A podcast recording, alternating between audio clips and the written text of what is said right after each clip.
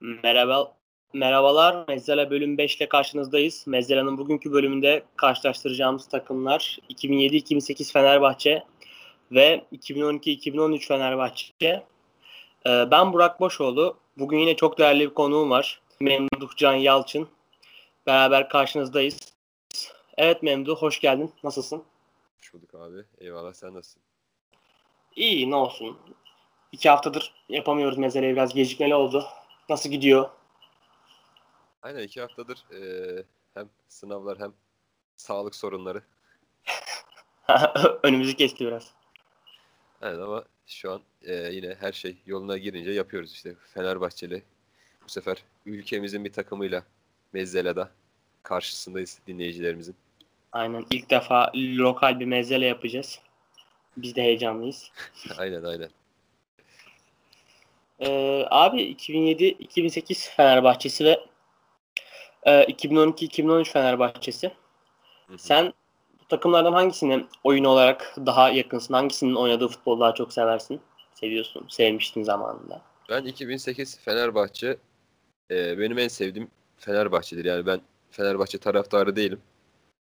E, ama bana en sempatik gelen yani en çok severek izlediğim Fenerbahçe'dir diyebilirim yani. Bir de 2012-2013'te iyidir de onun dışında 2008'de en çok sevdiğim takımdır. Yani o sezon bütün Şampiyonlar Ligi maçlarını izlemiştim falan. Ee, şeydir ya. Onu ben daha çok tutarım. Ya o sezon zaten 2007-2008 takımı Şampiyonlar Ligi'nde oynadığı, evinde oynadığı 5 maçı da kazanıyor. Hı hı. Hani o takımın iç sahada oynadığı futbol çok dominant, çok özel bir futbol. Hani bir Türk takımı için çok özel bir performans gerçekten. O işte Inter, CSK, PSV, Chelsea, Sevilla hepsini domine ediyor sahada. Hepsini hani maçların çoğunda dominant olan tarafı olarak oynuyor. Ee, gerçekten çok özel bir futbol. Ben de o takımın oynadığı futbolu çok seviyorum. Ee, o takımda peki dikkatini çeken şey neydi? Hani o bir teknik direktör dokunuşu mu yoksa bir özel oyuncu performansı mı yoksa hani oyundaki bir nükte mi? Ne seni daha çok o takıma çekiyordu? O takımın güzelliği şöyle bir e, çok fazla Brezilyalı vardı o takımda. E, Wederson vardı işte yani Türkler bile Brezilyalıydı aslında. Türk statüsünde oynayanlar. E, Aurelio ile Wederson. E, Roberto Carlos, Edu, e, David, Alex. E, bir pas takımıydı aslında biraz daha. E, daha böyle İspanyol takımı gibiydi ve Sevilla'yı eledi. Çok büyük bir iş yaptı. Bence o Sevilla inanılmaz bir takımdı. Tabii canım. Ee, hem o, o vardı. E, o takımın bu çok sempatik bir havası vardı işte. Akrep dansı mıydı? Yengeç dansı. Yengeç dansı gol sevinçlerinde falan. Ee, hem onlar çok hoşuma gidiyordu o zaman için. Bir de Avrupa Avrupa'da yaptıkları tabii ki. Yani bir de şu an için dinleyiciler niye bu takımı seçti? Bu iki takım da şampiyon olmadı aslında Türkiye Ligi'nde. E, biz daha çok yani ben e, Fenerbahçe'nin Avrupa performansı üzerinden yola çıkarak evet. bu seçmiştik aslında. Zaten Avrupa performanslarını konuşacağız bugün. Ya ligle ilgili bir şey konuşmayacağız. Aynen, aynen. Ee, yani Roberto Carlos'tu bir takım bir kere. Yani bizim nesil için unutulmaz bir adam. Yani sadece Roberto Carlos bile yeterli aslında Fenerbahçe'nin bu 2008 sezonu için. Ee, bu Winnie Eleven e, 8 miydi 7 miydi bizim kuşak Roberto Carlos alıp Forvet'te oynattığı Aynen. bir nesil olarak Roberto Carlos Türkiye'ye gelmişti ve ben şeyi hiç unutmam. E, mahallede çok e, Galatasaraylı bir arkadaşım var. Harbi Galatasaray hastasıydı. E, o zaman Fanatik gazetesi, Fotomaç gazetesi bir tanesi Roberto Carlos posteri veriyordu. Şey oldu gitti aldı ve şey dedi abi dedi Fenerbahçe forması ama abi adam da Roberto Carlos yani ne yapalım yani diye. Öyle bir takımdı. Öyle bir oyuncuydu Roberto Carlos bizim için. O açıdan yani hala da 10 yıl 11 yıl geçti üzerinden hala sempatisini taşıyor bende. Hala ben yaşıyorum o takımı. Özel bir takımda Roberto Carlos'un hani o takımda olması imaj olarak geçtim o takıma da çok şey katıyordu. Ee, hani o, o Şampiyonlar Ligi'nde özellikle oralarda daha önce çok fazla oynamış olması o saha içindeki duruşu o hakemler üzerinde bile hani baskısı farklıdır takımda öyle bir oyuncunun bulunmasının. Roberto Carlos hani mesela Beşiktaş'ta da Pepe vardı atıyorum geçen sene. Böyle oyuncuların takımda bulunması her zaman önemlidir Şampiyonlar Ligi yolunda. Mesela Galatasaray UEFA Kupası'nı alırken Popescu, Hacı, Tafarel gibi papazlar vardı yine takımda. Böyle imajı güçlü oyuncuların takımda olması her zaman önemlidir. Ee, ben de o takım o oynadığı pas oyununu çok severdim. Mesela o David Gökhan çok güzel bir kombinasyondu sağ kanatta. Evet. Ee, Uğur Boral kendini çok açmıştı o sezon. O, se- o sezonki oynadığı futbol bir daha oynamadı zaten. Gerek sakatlık gerek e, başka sebepler dolayısıyla. E, biraz şeyden gidelim o zaman. O takımın e, Şampiyonlar Ligi hikayesinden gidelim. İlk maç 1-0 maç... Inter maçı. David'in o evet. volesi. Valla ee, ben benim için Ay- ilk maç Anderlet maçıdır aslında. Ha ön elemelerden diyorsun sen. Ben ben ilk Anderlet maçıyla aslında her şey ya benim için de öyle olmuş. Yaz tatilindeydik. Ben e, Bursa'da e, başka bir yerdeydim. Tatildeydim güney sahillerinde. o zamanlar e, bir kahvede izlemiştim maçı. Böyle tıklım bayağı kalabalık tıklım tepiş böyle zaten yazlık yer çok fazla maç veren yer yok falan. Yani çok fazla kalabalık toplanıp izlemiştik.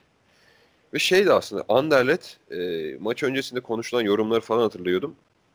İşte Belçika takımları, Türk takımları her zaman zorlanmıştır. Hala daha zorlanıyoruz. E, ve Fenerbahçe 1-0 yendi Anderlet'i. Daha sonra gidip deplasmanda 2-0 yenerek turu geçince aslında bence o zaman bile olayın bir sinyalleri verilmeye başlanmış Fenerbahçe adına.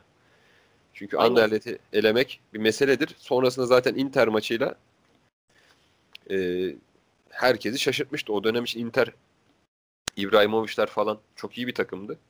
İstiyorsan sen başla. Ben sana atayım topu bu sefer. Inter maçıyla sen başla. Ya şimdi o dönemki Fenerbahçelilerin bir Fenerbahçelinin gözünden bakıyorum olaya. İşte ben de o zamanlar çocuğum. İki kere Şampiyonlar Ligi hatırlıyorum onun öncesinde. İşte Manchester United, Olimpik Lyon, Milan. Üç tane böyle karşılaşı, karşılaştığın A klas takım var. Üçünde yani Manchester United yenmişsin de B takımını yenmişsin. Hani hı hı. hiç galibiyete yaklaşamamışsın. Ee, kötü psikoloji. Hani şey diye bakıyorsun hani biraz iyi oynayalım, zorlayalım bari ama hani kaybetsek de çok problem değil gözüyle çık çıkılan bir maç. Hat hatta maça böyle Fenerbahçe iyi başladı falan filan. İyi güzel başladık. Hani çok farklı olmayacak, rezillik çıkmayacak gibisinden bakıyordum ben yine maça. O David'in golünden sonra artık bir galibiyete inanma durumu oldu. Yani o maçtan önce bende çok bir şey yoktu. Galibiyete inanma durumu yoktu. Çünkü Fenerbahçe'nin Avrupa'da hiçbir kayda değer bir başarısı, bir galibiyeti bile yoktu o maça, o sezona gelene kadar. Hani iç sahada bazı maçlar vardı ama hiçbiri bir A klas takıma karşı değildi. İlk defa o maçta bir inanma durumu oldu. O Alex'in işte o Maxwell'i yatırıp ortası falan. Aynen. Çok özel bir maçtı. Gerçekten. Ee, öyle benim için çok özel bir maç her zaman. Fenerbahçe'nin ilk defa bu Avrupa'da üst düzey, üst kademe bir takımı yenmesi hep ayrı kalacak o maç benim gözümde. Ee, sonra ikinci maç var. CSK Moskova deplasmanı. Ee, buna da sen devam et. Ne düşünüyorsun maçta? 2-2 berabere kalmıştı e, Aslında CSK Moskova ile. Bu maç e, bu maçta değildi. Daha sonra Edu kendi kalesine seri seri gol atmaya başlamıştı. Ama bu maç o maç değil. Daha şey yoktu da. Edu bu maçta Maçta- penaltı yaptı. Maçta penaltı mı yaptı kendi kalesine mi attı? Penaltı yaptırmış. Penaltı yaptı. Penaltı yaptı. Değil mi? Kendi kalesine dağıtmadı çünkü. O zaman e, golleri atan oyuncuların ikisi de Türkiye'ye gelmiş. Milos, Miloš Kresic ve Wagner Love. E, aslında ilk maç kazandıktan sonra havaya e, ufak bir havaya girilmişti. Yani acaba e, aslında ben şey hatırlıyorum. İnsanlar çok temkinliydi. Fenerbahçe buradan UEFA Kupası'na giderse falan gibi şeyler konuşuluyordu hatırladığım kadarıyla. Tabii tabii yani gruptan çıkmak falan hiç şeyde bile yoktu. Kimsenin aklında bile yoktu. Ee, bu maçta aslında Fenerbahçe güzel başlıyor. Alex de 1-0 öne geçiyor. Daha sonra 2-1'e düşüyor ve aslında e, önemli bir şey. 85. dakikada David'in e, yaklaşık 30 metreden e, uzaktan gelen e, efsane şutların ilki geliyor ve 2-2 oluyor bu maç. E, ve Fenerbahçe 4 puana çıkıyor grupta. Yani her şeyin ufak ufak sinyalleri geliyor. Zico'nun takımının vazgeçmediğini görmeye başlıyoruz artık. Aynen. Ve işte David'in e, yine bu maçta da ikinci golünü atması falan. güzel şeyler oluyor Fenerbahçe adına. Biz de e, biz de mutlu oluyorduk tabii o zaman e, Fenerbahçe'nin verdiği göstermiş olduğu performansla çünkü yine işte, yani Türk takımların e, dalgalı performanslarına yani bir sene gruptan çıkıyor takımlarımız öbür sene işte bir puan iki puanla eleniyor falan filan. E, güzel bir yola girmişti Fenerbahçe. Ve Dinamo Moskova yani Rusya deplasmanları da zaten yine bizim takımlar her türlü zorlandığı için e, yine bizi ümitlendirmişti. Sonra gelen herhalde en sıkıntılı maçıydı herhalde Fenerbahçe'nin oynadığı diğer maç PSV deplasmanı 0-0 ve 10 kişi kalıyor falan. Yani oradan devam edebiliriz. Ya şunu söylemek istiyorum o David'in 85. dakikada attığı gol aslında o takımın o diğer takımlardan farklı olacağının mesajıydı. O, o gol çok önemli bir gol bence. Bir Rusya deplasmanındasın. 1-0 öne geçtiğin maçta 2-1 geri düşmüşsün. E, o, o hava, o atmosfer, o Rusya'nın o soğuk, iğrenç atmosferi. 85. dakikada tekrardan geri dönüyorsun ki o CSKA Moskova da iyi bir takım. Hani Çok Avrupa'da iyi bir takımdı ya. Çok iyi bir takımdı yani. Kadrosuna hala böyle 7-8 oyuncuyu sayarım ezbere. O takım karşısında gidip 85. dakikada geri dönüyorsun. Bu gerçekten çok önemli bir mesaj. Hem taraftara hem takımın kendine olan inancını kuvvetlendirmesi için. Ee, ondan sonra da işte iki tane PSV maçı var ardarda. arda. Hı hı. İçeridekini Fenerbahçe 2-0 kazanıyor. Deplasmanda da 0-0 berabere bitiyor. Ee, sen devam et abi PSV maçlarından. Abi ilk PSV maçı herhalde e, Fenerbahçe'nin grupta belki en zorlandığı maç olabilir. Çünkü deplasmandaki diyorsun ama. Deplasmandaki Fenerbahçe maçı Gerçi son dakikalara e, 65. dakikada David e, ilk iki maçın kahramanı David bu sefer kırmızı kart görüyor. Yine aslında bir kahramanlık yapıyor. Maçın içinde önemli bir şey yapıyor ama bu sefer negatif anlamda. Abi Hollanda takımı, Rus takımı, e, Inter şaka şaka gibi yani şu an için e, bu sene ve geçen sene olay, olan olayları düşünürsek işte Fenerbahçe'nin e, şu an adını bile hatırlayamıyorum. Neydi o Makedonya takımı? Vardar. Vardar'a falan elenen Fenerbahçe nerede ve bu, bu Fenerbahçe nerede? Gidip o, o öyle öyle deplasmanlardan puan alıyordu ve Fenerbahçe başa baş oynuyordu rakipleriyle. Oyunun temposunu kendisi ayarlıyordu. Hiçbir zaman çok az mahkum duruma düşüyordu. Sonra zaten içeride e, PSV 2-0 yenler artık Semih Şentürk de oynamaya başladı. Alex'le uyumu nedeniyle ve Kejman'ın inanılmaz formsuzluğu o dönemi hatırlayanlar bilir. Kejman dolaşıyordu sahada ayakta duracak yani çok güçsüzdü. Türkiye Ligi'nde hiçbir şey yapamıyordu neredeyse. Sürekli gol kaçırıyordu. Şu anki Silimani gibi bir performansı vardı. Silimani kadar falan kötü değildi yine. Yani Kejman yani da, o kadar kötü değildi de. Ölüsü on atıyordu yine yani. Ama şeydi yani o beklenen Kejman efektini verememişti hiçbir zaman. Yani veremedi Fenerbahçe'de. Aynen.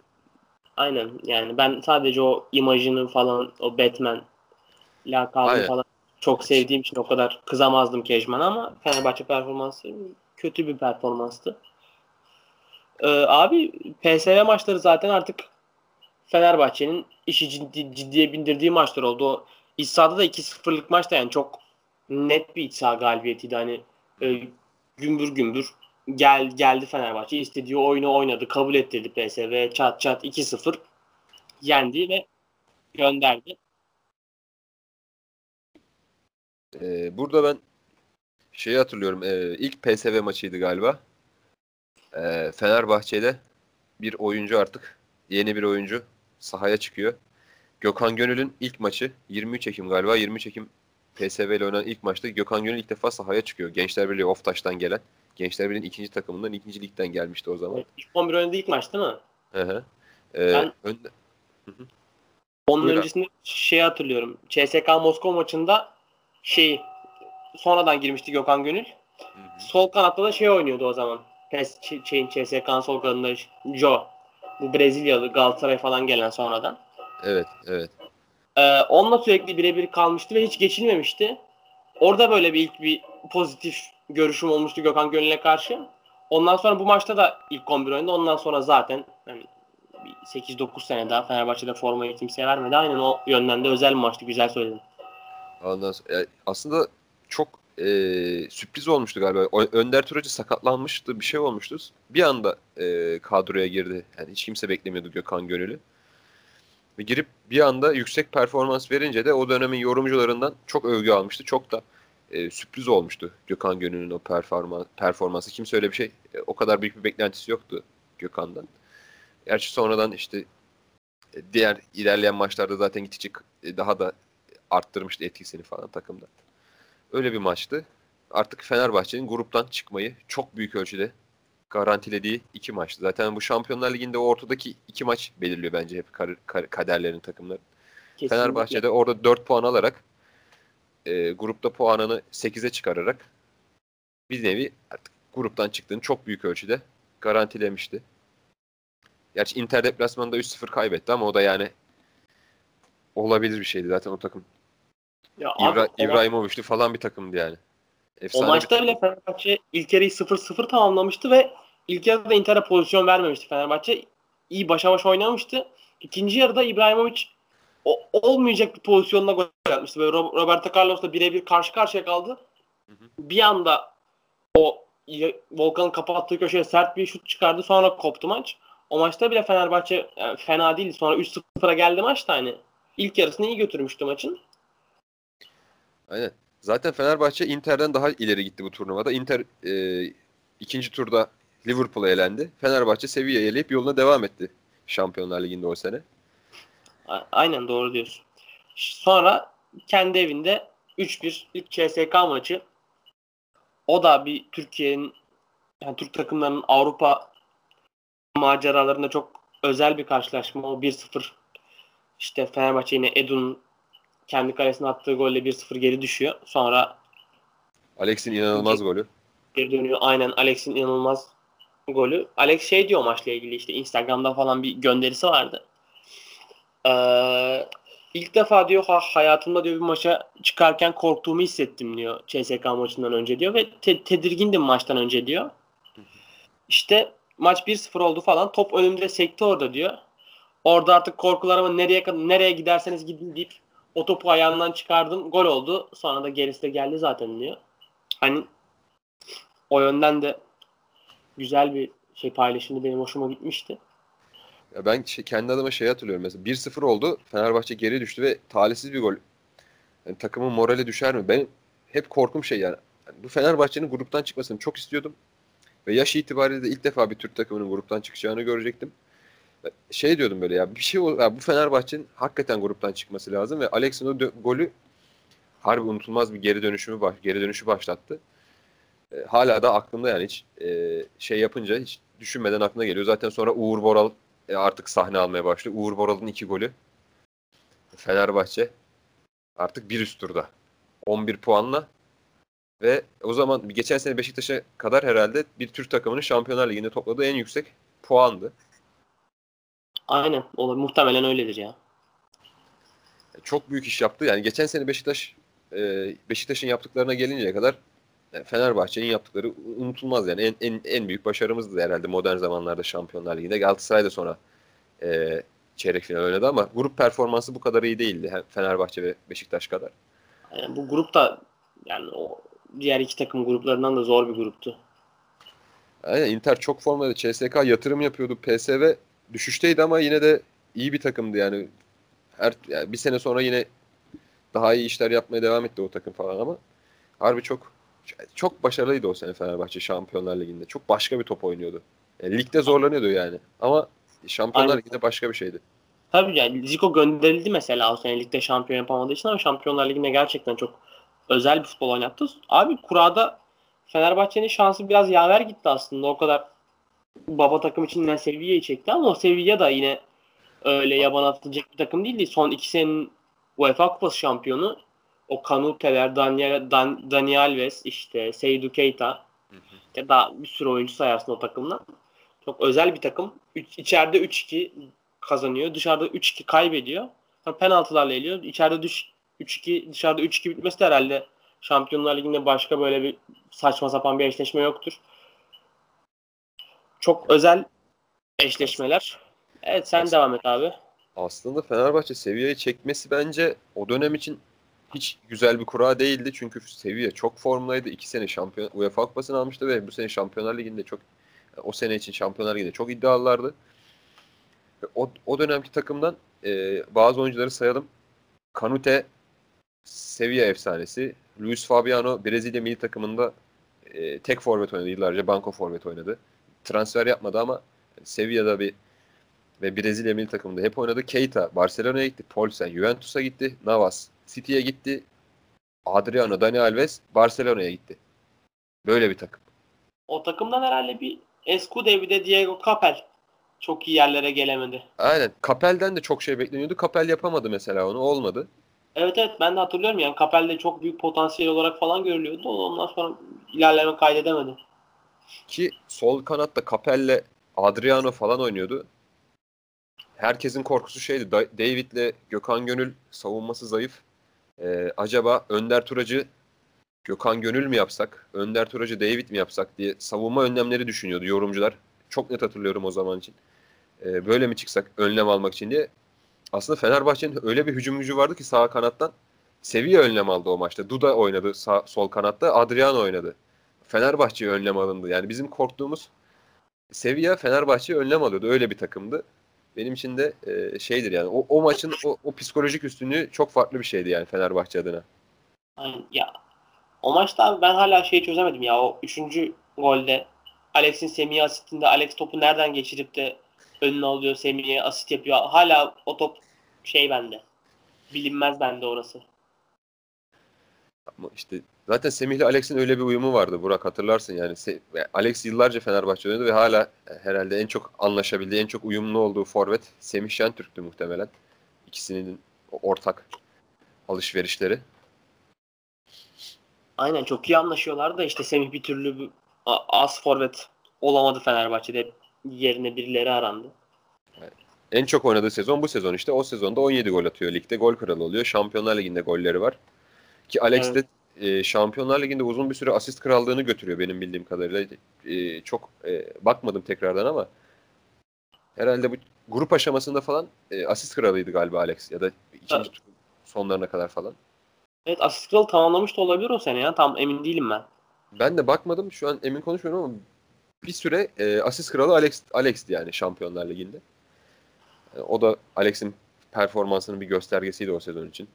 Alex de çok hani şey falan derler ya hep Alex'i büyük maçlarda işte oynamaz. Avrupa'da çok iyi oynayamaz falan filan. Bu Şampiyonlar Ligi'de Alex'in hani kendini Avrupa'da en iyi gösterdiği, en çok ifade ettiği turnuvaydı. Gerçekten o turnuvada hani takım iyi olduğunda neler yapabileceğini gösterdi. Gerçekten çok özel performansları var. O Inter maçı, Sevilla maçları falan. Alex gerçekten çok iyiydi ama o Sevilla maçlarının tartışmasız Fenerbahçe açısından yıldızı Uğur Boral'dı ya. Yani o Aynen. Dani Alves'i gerçekten bayağı bir zorlamıştı. Dani Alves kariyerinde ondan sonra bir daha o kadar zorlandı mı? E, çok azdır yani. Aynen. Ya bir de Uğur Boral'ın çok hani biz sakatlanmasaydı belki daha iyi yerlere gelirdi ama Uğur Boral'ın çok gerçekten çok enteresan bir adam geçme yeteneği vardı ve yani topla öyle bir gidişi vardı ki bir anda dur dur kalk dur kalk hani böyle dengesiz gibi duruyordu ama aslında kendi içinde bir dengesi vardı topla giderken. Gerçekten Daniel Alves çok enteresan durumlara geçirmişti. Gökhan Gönül de Kapel'e üstünlük sağlamıştı diye hatırlıyorum. Hı hı. Ee, ikinci maçta olması lazım evet. Aynen ya aslında e, ikinci maça özeline geçtiysek eğer ikinci maç Fenerbahçe bu kadar zorlanmazdı eğer e, Volkan Demirel öyle hatalı goller yemeseydi. ilk iki gol 5. E, ve 9. dakikada çok büyük şoktu yani. 3-2 kazanmış Fenerbahçe. Seviyeye gitmiş. Ümitliyiz. Takım iyi. Hava iyi takımda. Ama Volkan, Volkan şov yaptı sonra. Aynen sonra penaltılarda penaltılarda kendini affettirdi ama o ilk olaylar e, bizi zaten Türkiye'nin ben Fenerbahçeli değilken o kadar heyecanlanıyordum. Ben Fenerbahçelilerin halini düşünemiyorum zaten. E, kalp krizinin eşiğinden dönenler ya da geçirenler de olmuş olabilir. Çok heyecanlıydı maçlar. 2-0 geriye düşüyor Fenerbahçe bir anda. Her şey bitti derken yine David çıkıyor. 2-1 yapıyor. Fenerbahçe bir gol daha yiyor. Yine David çıkıyor. 3-2 yapıyor. Maç uzatmalar ve sonrasında Volkan'ın inanılmaz penaltı performansı.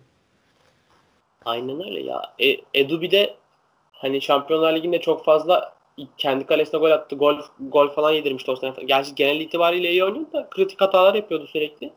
Gidip bir de penaltıyı da kaçırmıştı şeyde. Seviye maçında. Penaltılar. İşte ama sonrasındaki Fenerbahçeli oyuncular hata yapmadı. Volkan da kaç penaltı? 3 penaltı kurtarmış olması lazım o şeyde. Aynen 3 3 tane falan Dani Alves'inkini falan kurtardı ya. E, ve hiçbir out'a falan değil yani direkt Volkan kurtardı. Evet. O, o yönden ya Volkan Demirel zaten böyle bu böyle oyuncudur yani şey yoktur fazla ortası yoktur ya çok kötüdür ya çok iyidir hep öyle geçti onun kariyeri. Orada da onun kariyerinden öyle ufak bir kesit oldu. Evet. Öyle Fenerbahçe bir şekilde eledi eledi seviyeyi. Sonra çeyrek finalde rakip işte geçen haftada konuştuğumuz geçen haftadan iki hafta önce konuştuğumuz Chelsea 2007-2008 ee, abi içerideki maçla ilgili neler söylemek istersin? Ya içerideki maç artık ee, yine sakarlıkla başlıyor. David'in bu sefer kendi kalesine attığı golle başlıyordu. Ben şey dedim artık herhalde. Lan tamam her şey iyi güzel hoş da. Yani rakip de Chelsea abi Fenerbahçe'de artık yol buraya kadar. Artık bundan sonrası olmaz diye. Ben kendi adıma düşünüyordum. Çünkü o Chelsea çok iyi bir takımdı yani. İşte Drogba'nın en formda zamanı işte Maluda var o takımda. Joe Cole var, Lampard var, Essien var. Essien adam yiyor orta sahada falan öyle bir koşusu var. Yani o Essien diyorum Alex'i oynatmaz falan filan kıpırdatmaz işte şöyle böyle. Ama Chelsea çıktı. E, Chelsea diyorum Fenerbahçe çıktı. e, bu maçta yine sürpriz bir adam. Colin Kazım Richards futbol Türk futbolunun sahnesine çıktı. E, 54'te oyuna girip 64'te skoru 1-1'e getirdi. Ve 80. dakikada David'in attığı yine unutulmaz efsane füzesi diyeceğim. 90'a giden unutulmaz gol. Yani çok o bu hala e, gösterilen bir gol sevinci var Fenerbahçe taraftarının. E, çok şakalara konu olan. Yani o adam orada o kadar sevindi ki bir daha başarı kazanamadık Şampiyonlar Ligi'nde diye. Herhalde o gol o gol David'in golünden sonra seviniyor galiba o adam orada. O kardeş. Olabilir. Hatırlamıyorum ben. Bilmiyorum o muhabbeti. Ama şey yani hak ediyor yani öyle bir gol yani insan kapı baca kırılar kırarsın ya evde şey olursun yani Fenerbahçe. Tabii ben canım. Sen anlat abi sen Fenerbahçesin. Sen senin için daha önemliydi yani. Ya abi o maç gerçekten hani bir hani benim işte Fenerbahçe tarihindeki en, en önemli maç, en büyük maç yani 2-1 Chelsea'ye 1-0'dan gelip kazanıyorsun 2-1. O Chelsea de zaten sonra finale falan gitti. Penaltılarda kaybetti kupayı öyle bir takım. ee, abi hani Kazım'ın golü çok özel ama David'in golü çok bambaşka. O Maldonado, Maldonado'nun pasında o çok uzaktan o şeyi düşünmesi, vurmayı düşünmesi bile çok garip. David'in zaten çok enteresan bir vuruş stili vardı. Böyle çok gerilmeden çok evet. inanılmaz sert şutlar çıkarabiliyordu. O top oradan gitmez gibi duruyordu ama gidiyordu gol oluyordu yani. Aynen aynen. O çok çok rahat vuruyordu yani toplara çok enteresan özellikleri olan bir oyuncuydu zaten David. Ama o da o seneki performansını bir daha şey yapamadı, yansıtamadı. Zaten büyük bir sakatlık da geçirdi Aynen. sonraki seferlerde. Ayağı kırıldı, bir şeyler oldu falan. Evet evet o biraz talihsiz oldu.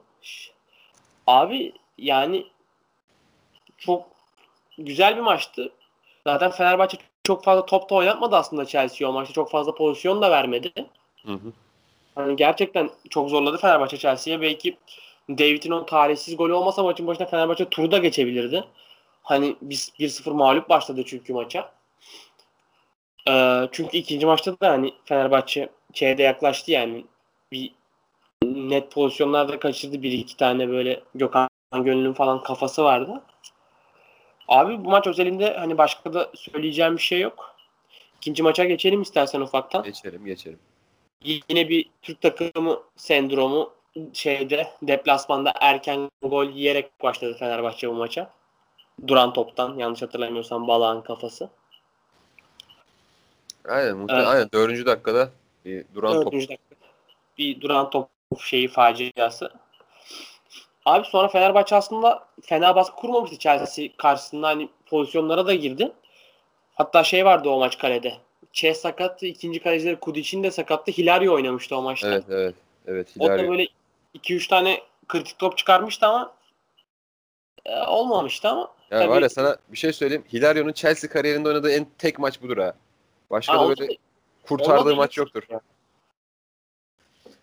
Yani biraz ben bu maçta şey eksikliğini hissetmiştim. Bu Semih Şentürk Carvalho ile Terry'nin arasında kaybolmuştu. Fenerbahçe'nin o gün biraz daha böyle o güçlü stoperlerle boğuşabilecek böyle Niang tarzı, Emenike tarzı sonradan Fenerbahçe'ye gelmiş. Öyle bir oyuncusu olsaydı belki o gün Chelsea biraz daha zorlasaydı en azından e, gol atmasa bile belki Alex'i falan rahatlatabilecek bir oyuncusu olsaydı her şey farklı olabilirdi ama e, olmadı yani. O, buraya kadarmış yani çe- çeyrek finale kadarmış.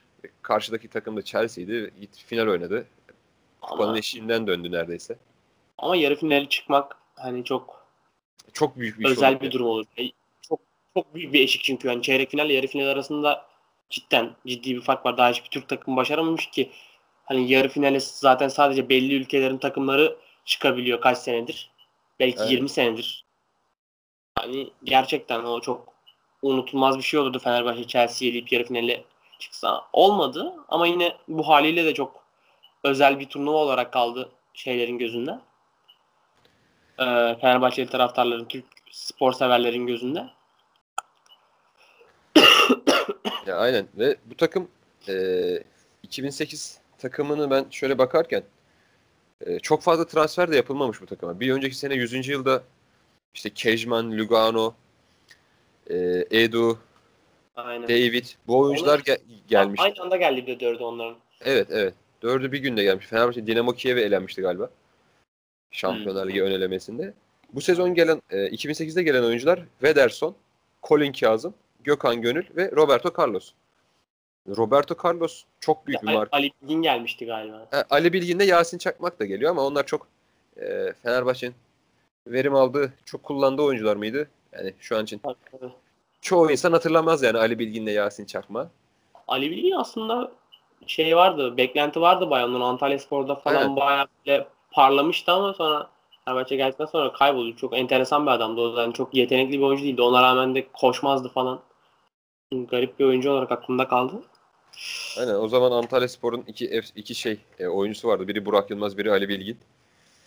E, biri Fener'e, biri Beşiktaş'a gitmişti.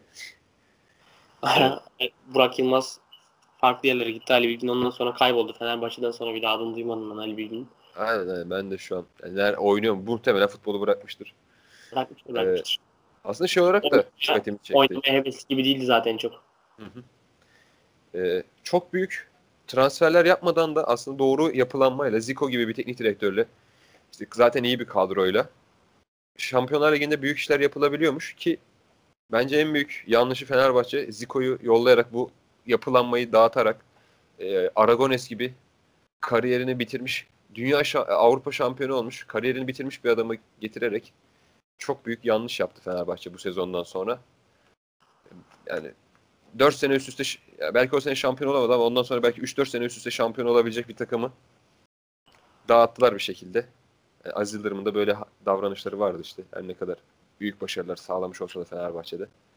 Bu da bence en büyük yanlışı Zico'yu yollamasıydı o dönem. Ya ben aslında Zico'yu çok Zico'dan çok şeyciydim ya. Davumcuydum. Davum'un bence o 2006'da gitmemesi gerekiyordu. Yani Zico da bir derecede Davum Fenerbahçe tarihinde bence daha önemli bir hoca. O- Onun o ligde sağladığı dominasyon falan çok güzeldi. O 3 2 şampiyon ikinci ilk kez şampiyonluktan sonra üçüncüyü son son işte maçta kaçırdı falan. O zaman şeye geçelim abi ufaktan. 2012-2013 Geçelim. UEFA Avrupa Ligi yarı finaline geçelim. Hı hı. Ee, abi o sene Fenerbahçe işte Vaslui maçıyla başlıyor Şampiyonlar Ligi önermesinde. Vaslui işte e, 1-1 ve deplasmanda 4-1 ile eliyor. Sonra e, Spartak Moskova maçı e, deplasmanda 2-1 mağlup oluyor. İçeride 1-1 berabere kalıyor ve eleniyor. UEFA Avrupa Ligi gruplarına geliyor. Orada abi grupta Marsilya, e, Mönchengladbach ve AL Limassol. E, ilk maçta işte Marsilya maçı. Hı. Çok benim Fenerbahçe tarihine en sinirimi bozan maçlardan biri. 2-0 öne geçtiği maçta Fenerbahçe 2-2 berabere kalıyor rakibiyle ve Alex de Souza'nın da ayrıca e, son Avrupa maçı Fenerbahçe formasıyla ve son golünü de o maçta atıyor Fenerbahçe formasıyla kafayla. E, abi çok hani uyuz bir maçta başlıyor Fenerbahçe. 2-0 öne geçmiş, iyi oynamış. işte her şey bitmiş. Taraftarlar oley havasında falan. Bir anda ardarda arda gelen iki gol. Hatta biri 90 artı 3'te geliyor yanlış hatırlamıyorsam kafayla. Ee, saçma sapan bir puan kaybı öyle başlıyor turnuva. Hani çok da kimsenin bir umudu yok zaten o sene. Ales gitmiş kaotik bir takım falan. Ama Aykut Kocaman oradan takımı alıp yarı finale kadar götürüyor. O şeyinde ilk sinyallerini Fenerbahçe Mönchengladbach deplasmanında veriyor abi. 4-2 yeniyor Mönchengladbach deplasmanda. Evet. Ee, o maçla ilgili ne neler söylemek istersin Memduh? Ben Marsilya maçıyla ilgili şimdi bakıyorum da golleri kim atmış biliyor musun? Ayev ve Valbuena mı? Valbuena ve Ayev atmış abi. e, dakika 82. 82 Valbuena 90 artı Ayev atmış golleri. Sonra ikisi de Fener'e geliyor falan. O da yani kaderin bir cilvesi. Aslında bu sezon e, Fenerbahçe için sancılı başlıyor. E, 12 Ağustos'ta Galatasaray'a Süper Kupayı kaybediyor. E, maçtan 9 gün sonra e, Spartak Moskova'ya yeniliyor 2-1. Yani Şampiyonlar Ligi önelemesinde. Fenerbahçe için zaten hala 3 Temmuz'un sancıları devam ediyor. Takım dağılmış, yeniden takım toplanmaya çalışılıyor. E, o yaz yapılan transferler, bayağı transfer yapılmış. Çünkü 2008 kadrosuna göre yapılan transferlere bakıyorum. Raul Meireles gelmiş, Krasic gelmiş, e, Hasan Ali gelmiş. Egemen Beşiktaş'tan 40 maç oynayarak gelmiş. Ligin en iyi stoperi olarak gelmiş. E, Kayt, Topal, e, Valencia'dan getirilmiş. Salih Uçan büyük yıldız aday olarak e, alınmış. Devre arasında da Webo ile Emre Belezoğlu takıma geri dönmüş. Mehmet Topal da geldi o sene. Mehmet Topal Valencia'dan geliyor. İşte e, Aynen. 2008 e, takımına göre daha büyük bir e, nasıl söyleyeyim yatırımın takımı diyebiliriz aslında. Yani daha çok daha önemli isimler transfer edilmiş. Gerçi Krasic patladı ama diğer oyuncuların çoğundan verim aldı Fenerbahçe. Tabii canım çok yani Fenerbahçe için çok verimli bir transfer dönemi. O özellikle 1 milyon euroya hani kayıtı almak Liverpool'dan Aynen. Aynen yani. Kayıt, kayıt gibi bir adam zaten bayağı güzel bir iş.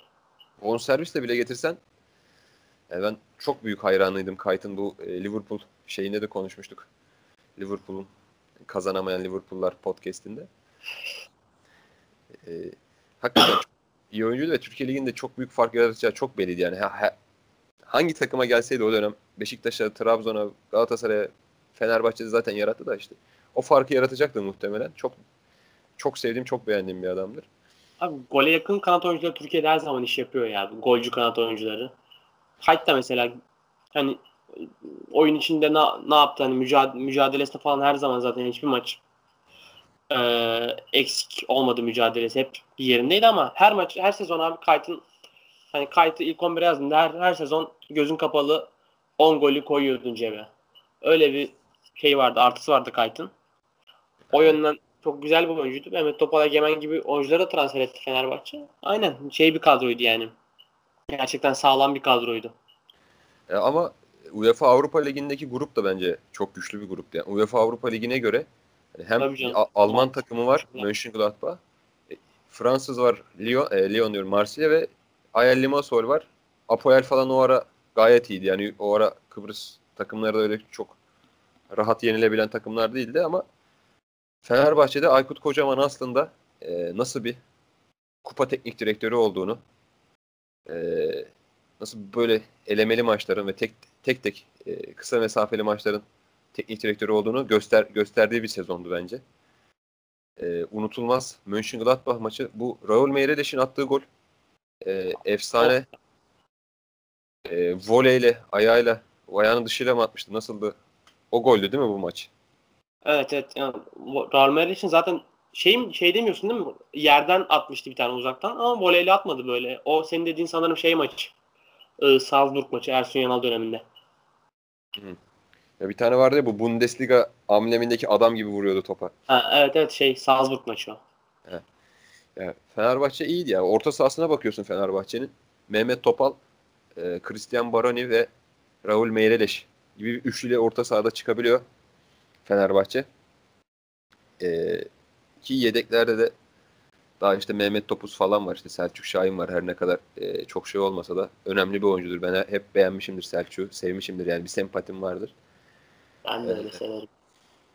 Salih Uçan bile o sene Avrupa Ligi'nde ciddi roller almıştı. Evet evet Salih Uçan bile ciddi gol katkısı falan var. Bir daha kariyeri boyunca hatta o kadar rol alamadı Fenerbahçe'de yani o sezon aldığı kadar ki hani o sezon 17 yaşında Salih Uçan. Aynen aynen. İşte e, Fenerbahçe'nin orta sahasının bir kalitesi var. Savunmada yine işte Egemen çok iyiydi. Yanında işte Bekir, Yobo kim oynarsa artık. Aynen. Ya Yobo fix oynuyordu. Egemen arada sakatlandığında işte Bekir oynuyordu. O zaman Bekir biraz sırıtıyordu. İşte Marsilya maçında falan iki golde onun hatasından yemişti Fenerbahçe. Ama iyi bir takımdı. AL Limassol deplasmanda çıkarken hani ben çok sıkıntılı görüyordum o maçı abi. Kıbrıs takımları çünkü o dönem dediğin gibi hani deplasmanda gerçekten zordu. Apoel'in hatta o ara bir Avrupa şeyde Şampiyonlar Ligi'nde gruptan çeyrek, finali falan geçti. Ee, aslında aileme sonra maçta Fenerbahçe için bayağı zor geçmişti. Egemen'in kafa golüyle Fenerbahçe oradan 1-0'la çıkmıştı. Sonra işte içeride aileme son maçında daha görece rahat geçti o 2-0. O iki maçı da kaz o iki maçı kazanıp Fenerbahçe yoluna baktı. Ee, sonra abi o, o işte Marsilya deplasmanında Bekir İrtegün'ün rövaşatası. ya o ara ne rövaşata vardı ya hatırlıyor musun? Max'e satıyordu Zlatan, Bekir. Max'in ki çok acayipti ya. Hepsi şeydi ya ben yani, o maçı hatırlıyorum Bekir topa vuruşu böyle ne oluyor ne olduğunu anlayamamış. Gol olduğuna inanamamıştık ya. Fenerbahçe de çok kötü oynamıştı o maçta bu arada ya. Fenerbahçe'nin o gruplardaki en kötü performansıydı. Yani şeyden son maç zaten gruptan çıkmıştı Fenerbahçe. Yani gerçekten çok pozisyon Marsilya çok rahat gelmişti Fenerbahçe karşısında. Fenerbahçe çok kötü oynamıştı o maçta. Ama Bekir Tekin gerçekten hani ilk maçta yedirdiği o iki golü telafi etmişti. Yani Bekir Tekin Ravaşat'a ne alaka enteresan bir goldü ama Fenerbahçe'yi gruptan çıkaran gol oldu. Aykut Kocaman'ın da sırrı bu biraz işte. Hani gider Marsilya'yı 1-0 yener deplasmanda yani böyle bir adam. Aynen. Yani oyun anlayışı da ona yönelik. Aynen ya. Bir de çok... gider abi. Bekir İrtegün'den verim alır. Anlıyor musun? Yani Hasan Ali Kaldırım'dan çok iyi verim alır. Böyle hani vasat 6 diye nitelendirebileceğin oyunculardan beklemediğim verimler alır. Oyuncu gelişimine gerçekten değer veren bir hoca. Hani onların bir bir birey bir futbolcu olduğunu önce hani takımların elindeki oyuncuları geliştirmesi gerektiğini söyler hep. Gerçekten özel bir insan olduğunu düşünüyorum o konuda. Hani hep transfer transfer transfer olmadı yenisi gibi bakmaktansa hep elindeki oyuncuya geliştirmeye yönelik hareket eder. O Bekir Tegün de mesela Aykut Kocaman dönemindeki oyunu önemliydi. O verdiği katkı önemliydi yani. Aynen. Yani zaten o sezon Bekir'in de e, şey yüksekti yani herhalde Fenerbahçe'deki en iyi sezonlarından biriydi muhtemelen Bekir'in. Evet evet o topla çıkışları falan iyiydi yani o sene. Son maç Mönchengladbach maçı için de tek söyleyeceğim Tolga Ciğerci'nin attığı gol herhalde o, o gol sayesinde sonra Türkiye'ye transfer oldu. Mönchengladbach'da oynarken Fenerbahçe. O maç hiç yok biliyor musun ya hiç hatırlamıyorum yani. Ben de sadece Tolga'nın attığı gol abi o kadar yani. Başka da konuşacak çok bir şey yok. Ee, son 32 turunda Bate Borisov eşleşmesiyle devam edebiliriz bence. Evet o şeyi hatırlıyor musun? Bate Borisov'un o sene o e, Bayern Münih'i yenmişlerdi. Evet Bate Borisov Şampiyonlar Ligi'nden gelen bir takımdı. Aynen. E, UEFA Avrupa Kupası'na ve şey Şampiyonlar Ligi'nde çok iyi başlamışlardı. E, Bayern Münih'i yani yenip başlamışlardı. Gruptan çıkacak diye bakılırken e, işte Doğu Avrupa takımı bizim bizimkiler gibi işte bir şekilde çıkamadılar gruptan. Çocuklar. O takımda herhalde Hülep falan geri dönmüş müydü? Nasıldı o takımı çok hatırlayamıyorum. Hülep vardı aynen. Hülep dönmüştü o takıma. Artık geri dönmüştü e, çıktığı yere. E, yine aslında soğuk iklim bizim takımlara hep ters gelen Doğu Avrupa. Yani bizim takımlara da herkes ter, ters geliyor zaten de. Ama şey ya tam böyle Bate Borisov baktığında Fenerbahçe'yi eleyecek takım profili yani. Ya elenseydi ben o zaman hiç şaşırmazdım hakikaten. Yani çünkü normal bir şey yani bizim için. Diyorum ya Vardar'a eleniyoruz şu an takımlarımız. Ee, ilk maç deplasmanda Raul Meireles sabote ettiği maç. Dördüncü dakikada kırmızı kart gördü, görüp takımı yani o kadar maçın yani neredeyse 90 dakika takımı 10 kişi oynatmak yani çok büyük bir e, nasıl söyleyeyim ihanet gibi bir şey ya takıma. Yani en büyük kötülüklerden birisidir. Kesinlikle Eksik bırakmak öyle. arkadaşlarını orada sahada sahada arkadaşlarını yalnız bırakıyorsun, eksik bırakıyorsun. Ki onlar senin yokluğunu kapatabilmek için daha çok koşuyorlar, daha çok efor sarf ediyorlar, daha çok mücadele ediyorlar. Ama ona rağmen Fenerbahçe 0-0 dönüyor. Ya bu maçlar biraz hani Bate Boris olsun işte sonraki Victoria Pilsen olsun biraz Aykut Kocaman'ın etkisini gösterdiği maçlar. Bu karşısındaki rakibi hani ciddiye alma, çok fazla lakayt oynamama, 90 dakika işte mücadeleyi bırakmama, disiplini elden bırakmama falan. Hani 10 kişiyken bile Fenerbahçe disiplini mücadeleyi elden bırakmadı ve 0-0 aldı o deplasmandan. Ee, ki Bate Borisov hani bahsettik iyi bir takım. Sonra abi içerideki maçta hatırlıyor musun o 1-0 kazandığı maçta Fenerbahçe'nin o penaltının oluşum anını? Ya Şu an çok gözümün önünde canlanmadı. O top kalecinin alacağı top çimde bir anda sekti. Kimin Baroni'nin önüne geldi. Kaleci Baroni düşürdü. Penaltı oldu. Yani çi, çimden geldi yani penaltı. Durup dururken bir anda çimden penaltı çıktı. Sonra Fenerbahçe işte o penaltıyla 1-0 turladı. O çok şey maç zaten böyle Fenerbahçe'nin de oyunu rölantiye aldığı bir maç Evet. böyle Bate Borisov da gelemedi falan. Hani öyle Tam Aykut. Kocaman eşleşmesi. Yani 0-0 1-0'la. aynen yolladı Bate Borisov'u ne olduğunu anlamadan. E, aslında orada şeye de bir parantez açabiliriz. Alex artık e, Fenerbahçe kariyerini bitirdi. Artık o rolü biraz daha Christian Baroni yüklenmeye başlandı, başladı diye not almışım ben. Christian Baroni'nin 11 tane golü var o sezon Fenerbahçe tüm kulvarlarda. Ve e, Avrupa Ligi'nde de penaltılardan uzaktan şutlarla e, skor yapmaya devam ediyor hala. Bu eşleşmede de Pilsen maçı. Victoria Pilsen eşleşmesi de geliyor. Ya bir de şey bu Bate Borisov maçında Fenerbahçe ceza alıyordu değil mi? Şey seyircisiz oynarken dışarıdan havai fişek geliyordu. Aynen. Bu maçta seyircisiz maç mıydı yoksa Fenerbahçe Yok, bu maçta bu maç oynarken seyir- bir... Bu maç seyircisizdi. Dışarıdan işte Fenerbahçe seyircileri havai fişek attı. Biz bir, Bir maç, maç daha daha- seyircisiz. Aynen. Pilsen maçı da seyircisiz oynadı. Ya bu da çok bana çok ironik geliyor abi. Fenerbahçe UEFA Kupası'nda yarı final oynadı ve büyük kısmını Fenerbahçe taraftarı seyredemedi yerinde. Daha ironik olanı seyircisiz oynadığı maçta seyircisiz cezası aldı. Ya, Fener. aynen o da o da zaten herhalde dünya tarihinde var mıdır örneği çok azdır herhalde seyircisiz maçta seyircisiz oynama cezası almak. E, Fenerbahçe yavaş yavaş kimseye çaktırmadan ilerliyor. İşte Victoria Pilsen maçları yine aynı şekilde. Victoria Pilsen de şeyi Napoli eleyip gelmişti şeye. O son 16'ya bu arada.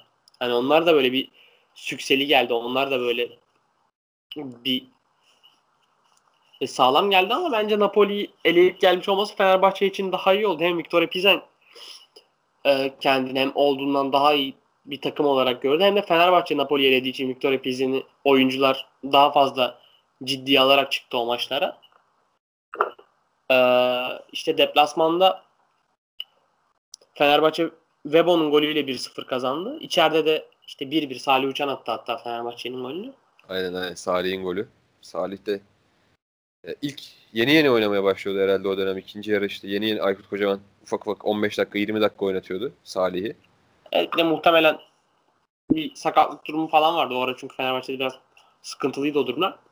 Ama abi o deplasmandaki maç mesela bence çok özel maçtı. Fenerbahçe pozisyon bile vermeden Victoria Pilsen'in 1-0 yenmişti. Ki iyi bir takımlardı.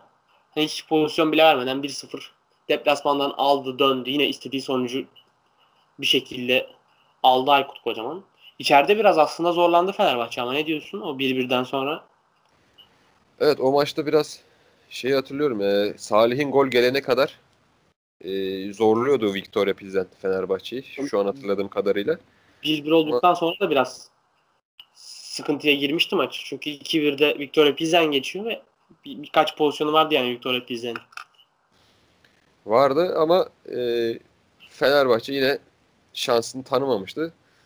Rakibe şans tanımadı ve şey diye eleştiriyordu işte Fenerbahçe hep e, görece güçsüz takımlarla eşleşiyor gibi bir algı vardı ama bence gayet yani, atıyorum Viktor Pizan o sene ne yaptı bilmiyorum ama Çek Cumhuriyeti şampiyonuyla falan oynuyorsun. Ha. Bunlar da şey takım değil yani amatör takım değil yani bir gidip e, San Marino takımı veya Faroe Adaları takımı değil.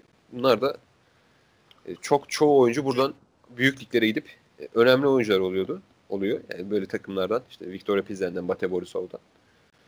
O açıdan önemliydi Fenerbahçe'nin elemesi ve zaten sonrasında artık harbi bir rakip geldi. Lazio geldi çeyrek finalde. İtalyan takımı. Yani daha ne olsun? Yani Türk takımları için, elenmek için e, bütün uygun ortamlar var. Çeyrek finale gelmişsin. İtalyan takımı gelmiş. Efendim yani tam artık herkes herhalde elenir dediği işte Fenerbahçe e, taraftarları dışında herkesin artık yani işin çok zor olduğu belli bir yani. Çünkü Lazio'da yani iyi bir takımdı herhalde. O takımda e, işte Kandreva, Onazi, Lulic, e, Lulic, Hernandez. Yani iyi bir takımdı. Marketlisi vardı işte Radu'su falan filan hepsi. Yani Radu sonra Radu Inter'e mi gitmişti? Ne yapmıştı? Tam hatırlayamıyorum şu an. İyi takımdı ya. Şey yani o olimpiyatta falan da bayağı zorlamışlardı zaten Fenerbahçe'yi. Lazio bir de UEFA Avrupa Ligi'nde ciddiye alan bir takım yani öyle şey yapan bir takım değil. Ee, o içerideki maçı hatırlıyor musun? Fenerbahçe hani ben o sene ki, ki bence Avrupa Ligi'deki en iyi futbolunu o maçta oynamıştı. Yani e, hakikaten şey bu ilk maç Caner Erken'in gol attığı maç mıydı? Yok o Yok. öbür maç. Deplasmanda atıyor Caner. Aynen içerideki maç e, çok iyiydi ya. Fenerbahçe şeydi ya nasıl söyleyeyim. Ne yaptığını bilen ne oynadığını bilen, oyunun temposunu istediği zaman düşüren, işte rakibini rahat kalesine getirmeyen, böyle Türk takımı gibi oynamıyordu. Hakikaten böyle nasıl söyleyeyim. Yine işte bu 2008'deki Fenerbahçe gibi bir İspanyol takımı gibi böyle pas oyunuyla yine ya da bir işte böyle daha sert bir takım ama pasta yapabilen teknik ayakları da var işte Baroni gibi işte Meireles gibi hem sertlik hem bir şey pas oyunu oynayabilen adamlar. Şey de o maçta artık aslında Fenerbahçe gösterdi yani ne kadar e, oyununun güç, güçlü bir oyunu olduğunu gösterdi herkese. Ki e, Inter, e, Inter diyorum. Lazio gibi İtalyan takımını eleyebiliyorsun. İçeride 2-0 yeniyorsun. Sonra Ama işte, o, maç, o maçta da Onazi bir güzellik yapmıştı Fenerbahçe'ye. Kırmızı kart görmüştü. Goller de onun kırmızısından sonra gelmişti. Şey söylemek istiyorum. Fenerbahçe tribünlerinin hani Fenerbahçe tribün tarihinin en iyi performansları da o Lazio ve Benfica maçındaydı. Gerçekten hani o seyircisiz maçlardan sonra taraftar inanılmaz destek olmuştu takıma. Gerçekten o Lazio ve Benfica maçlarında hani o performansın oluşmasında da çok etkisi var taraftarın. Gerçekten çok inanılmaz bir atmosfer vardı o maçlardaki ben kolay kolay taraftar övmeyi falan sevmem. Ee, ben ben şey o o cezalardan sonra taraftar o kadar korkmuştu ki ben şey hatırlıyorum. Ee, hiçbir şeye karışmadan sadece takımını çok iyi desteklediği için bence o maçlarda olabilir. çok iyi yani performansı var. Olabilir. Yani bir daha ceza almıyorum. Sadece takımını desteklemeye odaklandı takım. Hiç kimse işte taşkınlık yapayım, çakmak atayım, bir şey atayım, öyle yapayım falan hiç öyle bir durum olmadığı için. Yok zaten bir Fenerbahçe bir maç daha cezası olay bayağı ciddi yerlere gidecekti ya ondan evet, sonra. Ele, elene, elenebilme durumu vardı. Diskalifiye durumu vardı galiba Fenerbahçe'nin o zaman için. Tabii tabii yani iki kere ceza almışsın bir de üstüne bir tane daha alırsan bu UEFA bir de böyle şey büyük ülkeler dışındaki takımlara karşı ceza vermene daha rahat davranıyor. Bayağı bir sıkıntı olabilirdi orada. Abi içer iki maçtan geçip biraz şeydeki olimpiyattaki maçtan konuşalım. Olimpiyattaki maç Fenerbahçe'yi bayağı zorlamıştı. Aynen. hani Lazio bayağı çünkü Lazio da iyi takım yani akın akın gelmişti Fenerbahçe kalesine. Hatta ben 1-0 olduğunda dedim tamam dedim ya bundan sonra hani Lazio gelecek atacak bir tane daha ama o Fenerbahçe bir tane fırsat yakaladı zaten o maçta. O hani Caner de orada o fake tam zamanında verdi ve o golü attığında artık zaten herkeste şeyler koptu. Hani şarteller koptu. O yarı final zaten hani iki gol atmaları lazım. Üç gol atmaları lazım falan bitti olay orada. Gerçekten o gol çok özel bir goldü. Hani Caner Erkin'in en önemli golüydü Fenerbahçe'deki. Ama zor bir maçtı yani Fenerbahçe için. O Yani çok- çok, çok pozisyon vermişti Fenerbahçe. Çok zor bir maçtı. Akın akın geldi dediğin gibi. Ama maçı galiba Ercan Teler anlatıyordu ve Caner'in golden sonra yine unutulmaz bir eee, anlatımı vardı galiba. Şu an çok çıkaramadım. Bakmadım da. Eee, Caner'in de eee, sol beke geçmeden önce bir sonraki sezon eee, Ersun Yanal gelecek ve Caner sol beke geçecek. O zaman eee, orta sahada kullanıyordu daha çok. Zaten sol Aykut kanat hocam. Aynen. Ya sol kanat ya da böyle 4-3-3'ün orta sahanın üçlüsünün, üçlünün bir parçası gibi kullanıyordu bazen Aykut Kocaman. Girip o golü atması e, Fenerbahçe için çok önemli. Fenerbahçe de çok tam böyle artık son 15 dakikaya girecek. Daha da baskısı artacak. Lazio'nun 73'te atıyor golü. Çok da önemli bir zaman. Zaten hemen arkasından değişiklikler geliyor. Aykut Kocaman'dan Salih Uçan giriyor, Mehmet Topuz giriyor ve Krasi- Krasic oyuna giriyor. E, Aykut Kocaman'ın ne kadar aslında e, kontrollü hani Rıdvan Dilmen'in meşhur bir lafı vardır ya Aykut Kocaman maçı dakika dakika oynar. E, bu maçta da görüyoruz aslında dakika dakika nasıl oynadığını, golden sonra ha- nasıl hamleler yaptığını. E, yine Aykut Kocaman'ın görüyoruz bu maçta da. Ya aynen Aykut Kocaman zaten hani iyi teknik direktör bunu tartışmaya gerek yok hani bu maçta ve de, Benfica deplasmanlarında bazen işte Pilsen içerideki maçta da Aykut Kocaman'ın aslında eksi yönünü görüyoruz. Takım bazen hani olması gerektiğinden çok daha pasif kalıyor sahanın içinde. Fenerbahçe de işte hani bazen o kadar geri çekiliyorsun ki yani rakibi adeta gol atmaya davet ediyorsun. Bu Lazio maçında da biraz öyle olmuş. Fenerbahçe çok fazla geri çekilmişti. Hani bu kadar geri çekilmeye gerek var mıydı? Yani bir şekilde turu geçtiği için kimse bir şey diyemiyorsun ama hani Aykut Kocaman'ın gerçekten yani Fenerbahçe'de belki de neden olmadığının cevabı da biraz bu maçlarda gizli. Biraz olması gerektiğinden daha pasif kalıyordu takım bazen sahanın içinde. Ama tabii şimdi çok çok fazla uzun uzun Aykut Kocaman eleştirisi yapmayacağım. Ee, abi burada da bir şekilde Fenerbahçe turu aldı ve yavaş yavaş tribünlerde Amsterdam tezahüratları yapılmaya başladı. Fenerbahçe taraftarların bazıları hatta finalden bilet falan almaya başladı. Yani. Ve 13 yıl sonra bir Türk takımı UEFA Kupası'nda yarı final gördü. Bu da e, ülke açısından da büyük bir şey. Fenerbahçe açısından da çok büyük bir şey. Fenerbahçe tarihinde de herhalde ilk kez e, yarı finale çıktı UEFA Kupası'nda. Evet. Ve Yani- içeride Benfica maçı abi. İçerideki Benfica maçı abi işte sen 11 tane gol at o bütün sezon ve bir sürü penaltı golü at. Christian Baroni o 45. dakikada o penaltının kaçmasıyla aslında eee, nasıl söyleyeyim kötü bir şeylerin olacağı hissi ufaktan gelmeye başladı. E- Egemen'in golü de yine e, var yok o zaman. Hani var uygulaması yok. Çizgi teknolojisi yok. E, ve çok şey e, top çizgiyi geçti ama hakemler görmeye de bilirlerdi o golü yani çünkü çok zor bir Abi, pozisyondu. çok talihsiz bir maç ya. Fenerbahçe gitti, direkten döndü, kaleci çıkardı, direkten döndü, kaleci. Hani çok fazla zorladı Fenerbahçe o maç. Gerçekten Egemen'in gollerini zorla girdi artık yani. Hak, o- orada da bayağı karambol oldu. Vurdular girmedi. Bir daha en son artık Egemen Allah ne verdiyse kafayla böyle. Aynen Sonra- aynen çok şey bir maçtı. Ama biraz şey talihsizliğini yaşadı o, o sezon. O eşleşmede Fenerbahçe. Yani belki hani Saracoğlu'ndaki eşleşme ikinci maça kalsaydı Fenerbahçe'nin çok daha lehine olabilirdi. Çünkü hani Laz sana gereken bir skor oluyor. Ona göre oynuyorsun ikinci maçta.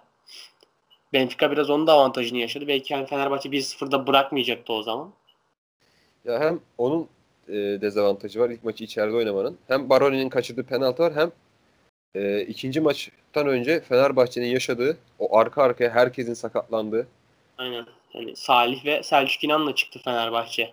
Benfica deplasmanına. Evet Selçuk Şahin Şahin. Keşke inanla çıkabilselerdi de. Aynen. Ya hakikaten Fenerbahçe elinde kimse kalmadı ya son maçta. Ee, çok işte Musa Sol, Dirkayt çıktılar işte falan yani. Ee, Emre Belezoğlu e, Atletico Madrid'den geldiği için oynayamıyordu UEFA Kupası'nda. Evet. İşte diğer oyuncular işte zaten çıkanların çoğu sakatlanıp çıktı herhalde. Benim burada gördüklerim işte Gökhan Gönül galiba sakatlanıp çıktı. Gökhan Gönül ölüyordu o maçta. Aa doğru doğru Gökhan Gönül şey e, tekmeye kafa uçan kafa attığı maç değil mi bu? Aynen ee, aynen. Oscar Card- Cardozo'nun galiba şutuydu. Onun hmm. önüne attı kendini. İşte diğer oyuncular da yani herkes elinden geleni yaptı ama e, hem takımın e, gücü düştü artık. E, çok yetmedi ya o maç resmen Fenerbahçe'nin gücü yetmedi yani Benfica'ya ki bir bire de geldi skor ama aslında orada işte yani Bekir'in, Selçuk Şahin'in falan bireysel hataları var. Onlara da bir şey diyemiyorsun. Onların da kapasitesi o kadar. Hani Bekir Ertegin'in o ikinci golde offside'ı bozması falan. Bir de Oscar Cardozo performansı var zaten. Oscar Cardozo o zaman gerçekten o zirve yaptığı dönemlerdeydi ve Oscar Cardozo tam bir iç sağ santrforuydu. Yani takım baskı kurduğunda. Aynen ceza sahasının içinde çok etkili. Ceza, ceza sahası içi golcülüğünde yani iyi olduğu dönemde gerçekten dünyanın en iyi 10 santraforundan biriydi. Sadece ceza sahası golcüsü olarak bakarsak. Ve Fenerbahçe'yi affetmedi. Turu orada kaybetti Fenerbahçe. Ya biz bu maçı ben çok net hatırlıyorum. Böyle işte artık yeni 18 yaşına girdik. Reşit olduk. Gittik dışarıda Bursa'da mekanda seyrettik. Ee, pub'da seyrettik. Abi çok şeydik böyle ya. Yani ben çok umut, umutluydum. Bir tane arkadaşımız Galatasaraylı. Ben Fenerbahçe'yle alakam yok. Bir tane de Fenerbahçe. Üç kişi gittik. Abi üçümüz de gerginiz. Galatasaraylı arkadaş işten işte böyle biraz Fenerbahçe'de finale çıkmasa mı bir Galatasaray olarak kalsa falan ama bir yandan da istiyoruz yani Türk takımı çıksın. Ya ben istiyorum. Arkadaş zaten Fenerbahçeli kalp krizi geçirmek üzere. Çok unutulmaz bir maçtı. Çok çok üzülmüştüm ya. O maçı çok hatırlıyorum. E, çok üzülmüştüm ya. Fenerbahçe o gün elendi diye ve şeyden elendiği için yani kadronun e, sakatlardan ve cezalardan dolayı e, eriyip bu maça e, en ideal, en verimli kadrosuyla çıkamayıp böyle elenmesi. Fenerbahçe bu maçı başa baş oynayıp elenseydi belki bu kadar üzülmezdim ama e, böyle başka faktörlerden takımın gücünün düşmesi işte sakatlık, ceza vesaire işte statü gereği. Öyle olunca çok üzülmüştüm. E, ve işte elendi Fenerbahçe'de 2013'te böyle bir veda etti UEFA kupasına. Sonra da ama Benfica'da alamadı kupayı. Ona da sevindim ondan sonra. Yarın ben de şeyi hatırlıyorum işte dershanede o gün etüt vardı. İşte lise sondayım o sene. Üniversiteye hazırlanıyorum. İşte dershanede yine benim gibi Fenerbahçeli bir arkadaşım var. O gün işte etütten çıktık. Böyle işte aldık elimize kağıt kalem Fenerbahçe Benfica'yı nasıl eleyebilir? Onun hesabını yazıyoruz. Hani kadroya bakıyorum Selçuk Şahin Bekir onu öyle yaparsa olurum böyle yapar. Ya diyorum biz gerçekten ne yapacağız bu akşam yani. Hiçbir şey gelmiyor aklıma çok hani bir yandan umutluyum taraftarlığın verdiği duygularla. Hani bir yandan da hani rasyonel bakınca da çok umutlanamıyorum falan. Öyle bir yandan o artık üniversite sınavı gelmeye başlıyor yavaş yavaş. Onun şeyi var kafada. Ama işte öyle güzel. 18 yaşındayız falan. Aynen, güzel aynen. Güzel bir serüvendi Fenerbahçe'nin. Sonra da zaten Fenerbahçe'nin öyle bir serüveni olmadı. O evet. senelerden beri. Karşıdaki öyle. Benfica'da kadrosuna bakıyorum şu an. Ee, Maxi, Pere, Maxi Pereira sağ bek. Niko Gaytan, Nemanja Matic, Enzo Perez, Oscar Cadro, Cardozo, Rodrigo Lima Lima bir sene, bir sene önce e, Braga final oynamıştı. Braga'nın yıldızıydı. Oradan gelmişti. Çok önemli bir oyuncuydu. Eduardo Salvio Atletico'dan gelmişti. Çok iyi bir takımdı ya. Çok hızlı hücum ediyorlardı. Çok Gaytan'la e, Salvio çok formdaydı. Hakeza işte Lima da öyle. Çok hareketlilerdi. Ona rağmen Fenerbahçe İstanbul'da e, tamamıyla yani yendi. Benfica'yı e, sahadan sildi demeyeyim de hani o aradaki sahadan silmeyle üstün gelmenin arasında bir performansı vardı. Aynen ya tam ama tam bir iç saha takımıydı Memduh ya değil mi? Yani böyle iç sahada hani ligde falan da kimle oynarlarsa oynasınlar perişan diyorlar iç sahada. Aynen zaten işte Aykut Kocaman'ın unutulmaz iç saha performansı vardı o dönem Fenerbahçe'de işte iki, gerek 2011 sezonunda işte yok, yok. 17. Benfica diyorum ya Benfica tam ha, Benfica mı? Benfica da öyleydi. İşte Fenerbahçe'de iyiydi de Fenerbahçe'nin ben hala şey düşünüyorum. Fenerbahçe tam kadroyla çıkabilseydi işler farklı olabilirdi ya da işte işte e, Christian penaltı yatabilseydi falan dedi. Bunlar hep elenseydi de öyle elenseydi yani tam kadro olarak elenseydi de kafamızda bu şeyler kalmasaydı. Hani ama futbolda böyle bir oyun işte. Öyle olsaydı böyle olsaydı demeye başlayınca yani Aynen. sonu yok. Bunun da bir sonu yok yani. Aynen. Evet. Abi o zaman ufaktan şeye geçelim. Bu e, kadroları karşılaştıralım. Hı hı. Teker teker geçen hafta yaptığımız gibi. Zaten bazı oyuncular aynı. E, ama ben yine sezon sezon o oyuncuların performansları da hangisi daha iyi diye soracağım.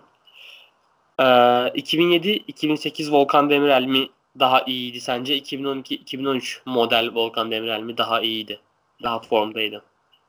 Hangisinin daha iyi? 2013 demek istiyorum ya. 2008'de bazı sakarlıkları vardı Volkan'ın. Evet ben de sana katılıyorum. Daha olgunlaşmış bir Volkan Demirel vardı 2012-2013'te. Ben de öyle düşünüyorum. Ee, 2007-2008 zaten Sevilla'da falan hani yakıyordu takım takım geri dönmese.